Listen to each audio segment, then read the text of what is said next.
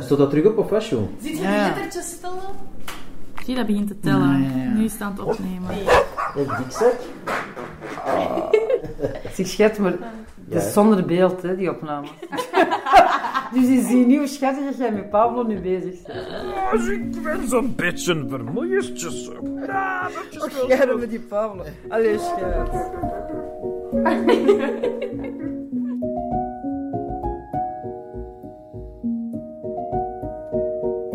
Ons leven is een carrousel vol hoogtes, laagtes, hoop en wanhoop. En soms zijn we allemaal zoekende. Telkens voor een paar weken gaf ik mijn kleine opnametoestel uit handen aan mensen, zoekende mensen in een lastige en of cruciale fase in hun leven. Opnames maakten ze zelf op momenten die ze ook zelf bepaalden. En ik, ik maakte er achteraf een samenvatting van. Een reeks over liefde, leed, maar vooral menselijke veerkracht. Wat zie je hier? Dat jij verbaal enorm sterk bent. Maar dat uiting geven aan je emoties eh, moeilijk verloopt. Maar nu heb je een manier gevonden om daar beter mee om te kunnen. Of om dat niet te zien als iets... Ja, ik heb geleerd om dat niet te zien als iets negatiefs. En gewoon dat dat mij ook gewoon uniek maakt. Dat is ding. Ik ben uiteindelijk altijd mezelf. Want nu heb ik ook gewoon beseft van... Als mensen mij raar vinden, ja, dan is dat maar zo. Dat is ook gewoon... Mijzelf beschermen ergens.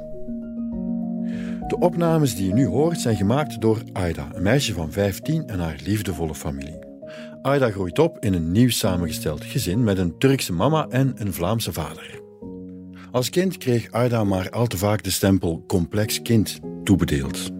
Gaandeweg ontdekte haar familie en een reeks dokters dat er meer aan de hand was. Aida zoekt en vindt meer en meer dapper haar weg in deze soms ingewikkelde wereld. Ik ben Jeroen en dit zijn momentopnames.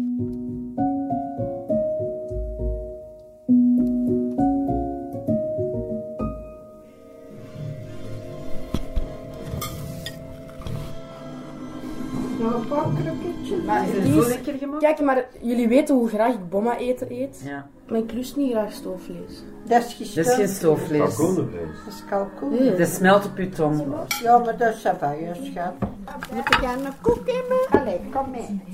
Allee, vertel- stel eens een vraag aan Bom en Bompa. Wat zou, wat zou jij graag van Bom en Bompa willen te weten komen? Die kennen, die kennen nu al heel uw leven, hè, Aida? Oké, ehm bomma en bompa. Hoe hebben jullie mij ervaren als een kind?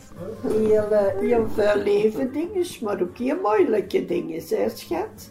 Eh zij had toch zo'n crisis in Noord-Notto en ze wou niet stappen en ze, had, we waren ze van school halen en, en ze wou niet stappen en, eh, en ze gooide daar op de grond op straat.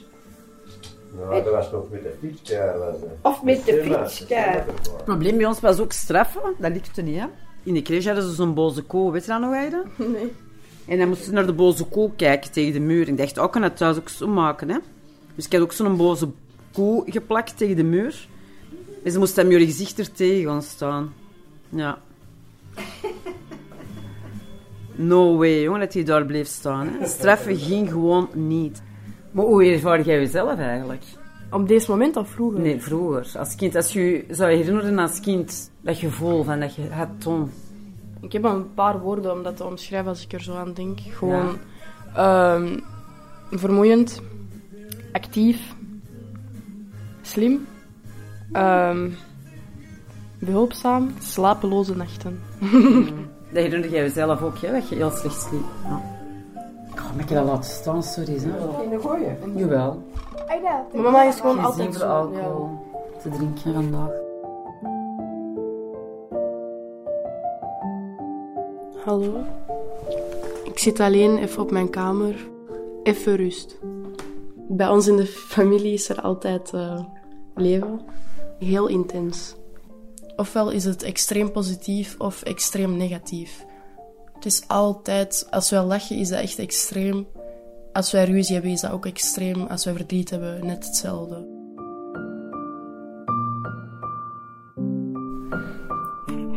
Vroeger was het heel moeilijk thuis, waardoor mijn ouders hebben beslist om mij te laten opnemen in het ziekenhuis. En dat hebben wij gedaan. En toen hebben die gezien dat ik autisme heb. Als zo'n diagnose vastgesteld wordt op je tien jaar, je weet totaal niet wat dat is. Dus dat wordt uitgelegd en ergens was ik ook wel opgelucht. Want ik voelde me altijd al anders dan andere mensen. En ik snapte nooit wat er mis was met mij. Ik had vroeger altijd hysterieaanvallen. Ik heb jaren aan een stuk niet geslapen. En mijn ouders zijn heel sterk. Omdat die mij altijd hebben geholpen en mij nooit alleen hebben gelaten. En om eerlijk te zijn, hoe ik dit gezin zie, is een droomgezin. Ik ben echt extreem blij met het gezin waar ik in leef. Dus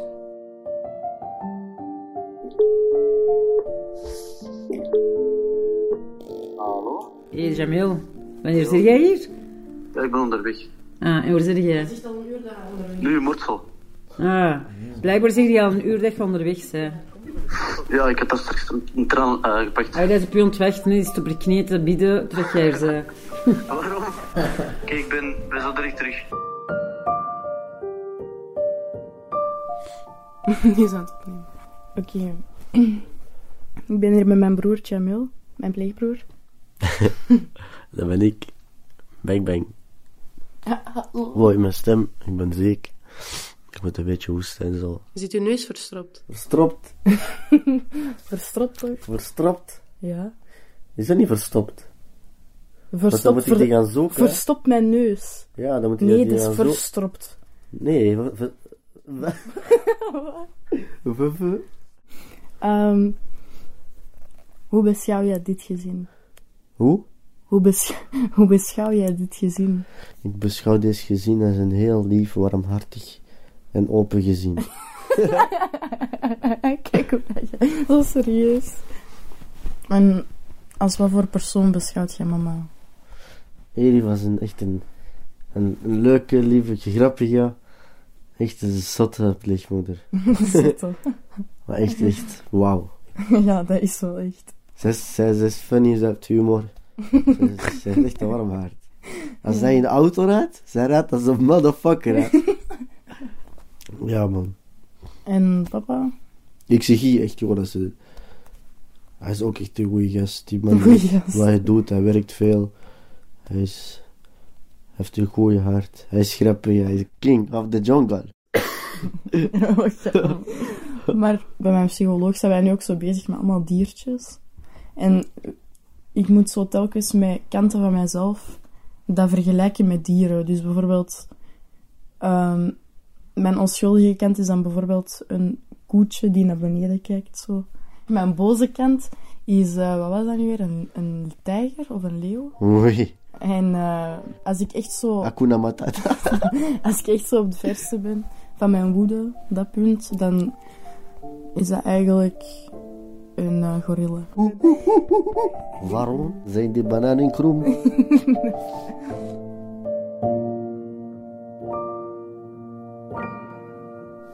Allee, Aida, hier zijn we weer, schatje. Ja, schatje. Dus, ik heb uw keft hier vast. Hè?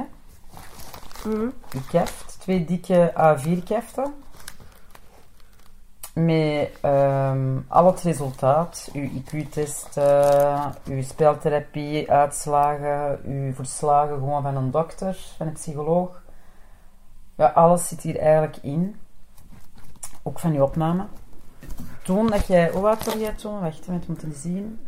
2012. Wat? Ja, dat is in 2000, u- de allereerste ik keer. vijf. Amai, ja, vijf jaar en vijf maanden. Germa, maar jij is op je vijf jaar eigenlijk al getest en toen wisten wij totaal niet dat jij dus autisme had. Hè? Pas op je tienen weer ontdekt, schat. Wat zeggen ze hier? Dat jij verbaal enorm sterk bent, maar dat uiting geven aan je emoties eh, moeilijk verloopt. Oh, Pablo, ik kan me niet focussen. De psycholoog die toen bij u een eh, test heeft gedaan toen jij vijf jaar was, Aida. Dat was een eh, psycho-energetische coach die testen. Jij deed er alles aan om toch niet mee te werken. En die merkt dat toen ook. Maar die heeft dus wel een heel schoon gedicht geschreven. En dat is heel raar, want jij bent nu bijna 16 en dat is toen geschreven voor u, op uw vijf. En dat klopt nog steeds als een bus.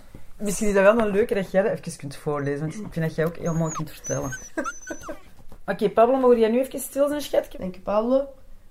Spontaan komen de dingen als vanzelf. Ik snap het heus wel. Maar vraag me A of B niets. Want ik kan niet antwoorden, antwoorden tot buiten. Mijn antwoorden zitten vast in mij. Ze gieren rond en willen eruit. Maar vinden de weg tot de uitgang niet. De poort is verstoord. Ik snap het niet. Ik kan het niet. En toch snap ik zoveel. Van binnen galmt de wijsheid luidkeels rond als oorverdovende echo's die niemand hoort. Oh, Ah. zo mooi. Maar mijn stem, dat is zo... Ja, jij verkouden zij, schatje. Hier, zei ik heb hier nog een tekst. Wacht even. Oh, van dat jij tien jaar bent. Jij is een tekst geschreven voor ons. Moet ik eens even voorlezen? Mhm. Papa, ik wil even zeggen dat ik heel veel van jullie hou en dat ik het heel fijn vind om weer thuis te zijn en dat ik jullie dankbaar ben voor alles.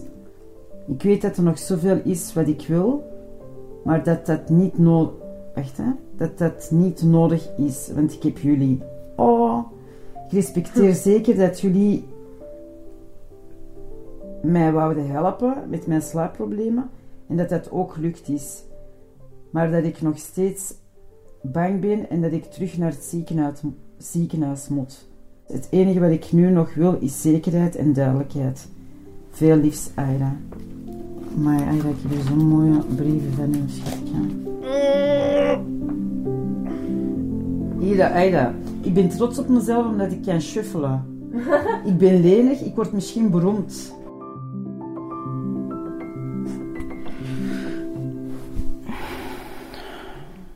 Het is nu 4 uur 24 in de nacht. En eh, ik kan niet slapen. Ik moet heel veel nadenken.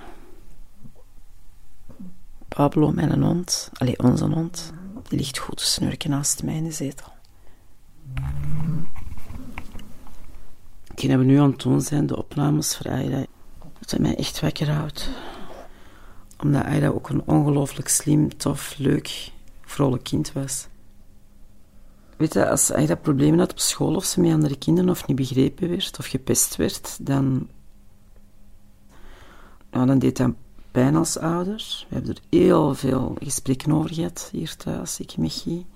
De momenten van geween van Aida in een tijd toen hij klein was, of met groter ouder worden, wij die dan kwaad werden en ons machteloos voelden of riepen. En ondertussen merk ik dat mensen gewoon tegenover een kind of tegen de ouders van dat kind gewoon hun, hun mening kunnen zeggen. Of zodat je het idee hebt van, oh maar bij mij zou het niet waar zijn. Zo. Of ja, jullie laten nou ook veel te vrij. Hè? Op een gegeven moment hadden we toch de moed bij elkaar geraapt om uh, met ons gezin naar Frankrijk te gaan, naar het zuiden van Frankrijk. We gingen kamperen. Dus heel de autorit naar daar, dat viel mee, dat ging goed. Wij komen eraan, wij zitten in onze grote tent met behulp van de Nederlanders naast ons, in het zuiden van Frankrijk. En, uh, en de bedoeling was dat wij er um, twee weken gingen blijven op die camping.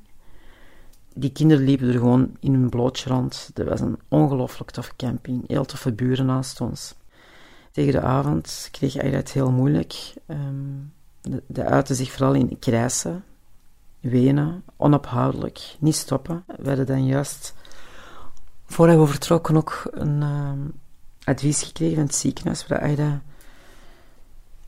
opvolging was van als ze krijst of weent, probeer daar te negeren.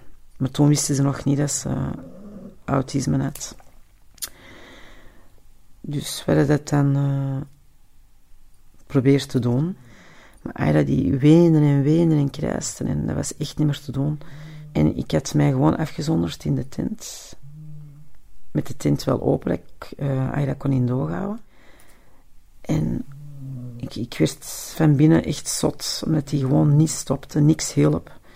En ineens komt er een man aan, um, echt kwaad, dat we van die camping moesten, dat het genoeg was geweest, dat ze op vakantie waren.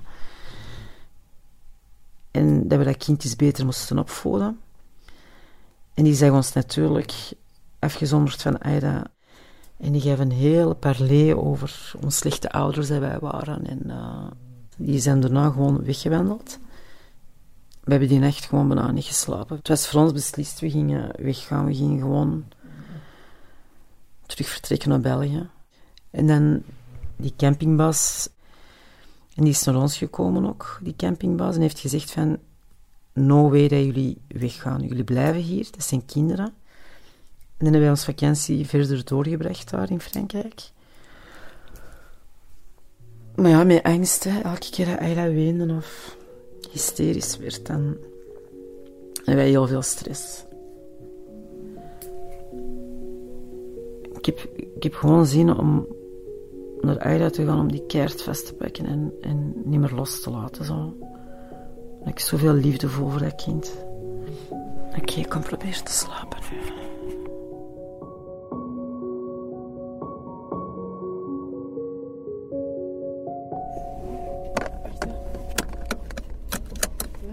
Goed gedaan, uw gesprek? Maar is al lang, je bent nu een half binnen geweest. Mijn psycholoog heeft dat gezegd tegen haar dat ik dat moeilijk vind. Om over mijn gevoelens te praten, zeker over vroeger. Nee, het begon en, eigenlijk... en in wat heeft u inzicht gegeven? Dat is ik wel Mijn mama...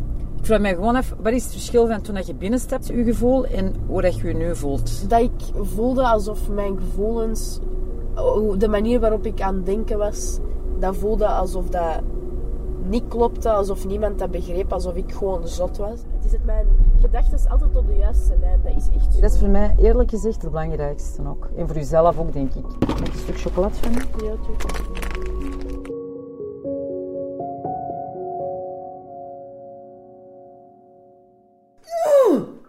Ik word zenuwachtig van u, hè?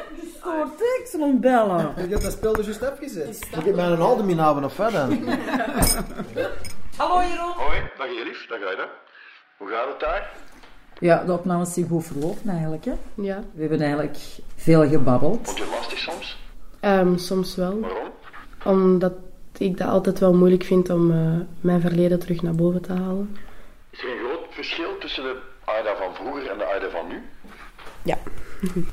Op welke manier dan? Ik snapte de wereld niet en ik snapte mijzelf niet. Ik snapte gewoon niet hoe dat leven werkte. En ik weet nu wel gewoon hoe dat ik mezelf moet begrijpen. Ja. En eigenlijk, eigenlijk ben je veel meer dan, dan enkel Aida met autisme, hè? Ik weet niet, ik vind dat moeilijk, want ik weet dat ik autisme heb. En ik weet niet hoe dat zou zijn om geen autisme te hebben. Dus ik kan niet echt goed omschrijven. En ik vind dat ook niet erg. Ik probeer dat nu gewoon te omarmen en daar ook gewoon iets goed van te maken. Dus de negatieve, gewoon de mindere dagen, de negatieve dingen in het leven gaan er altijd zijn, maar je leert daarmee omgaan en je leert je focussen op de positieve dingen. Zeg merci en tot binnenkort, hè. Dada!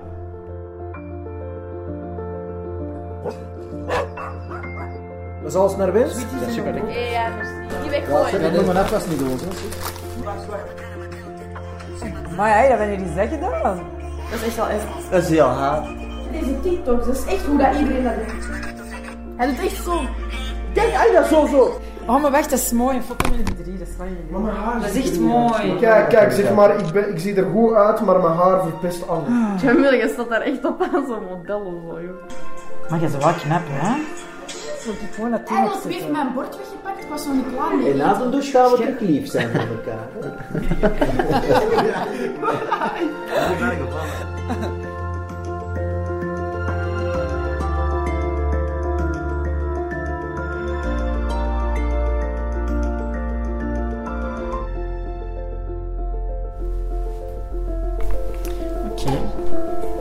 het. Ja.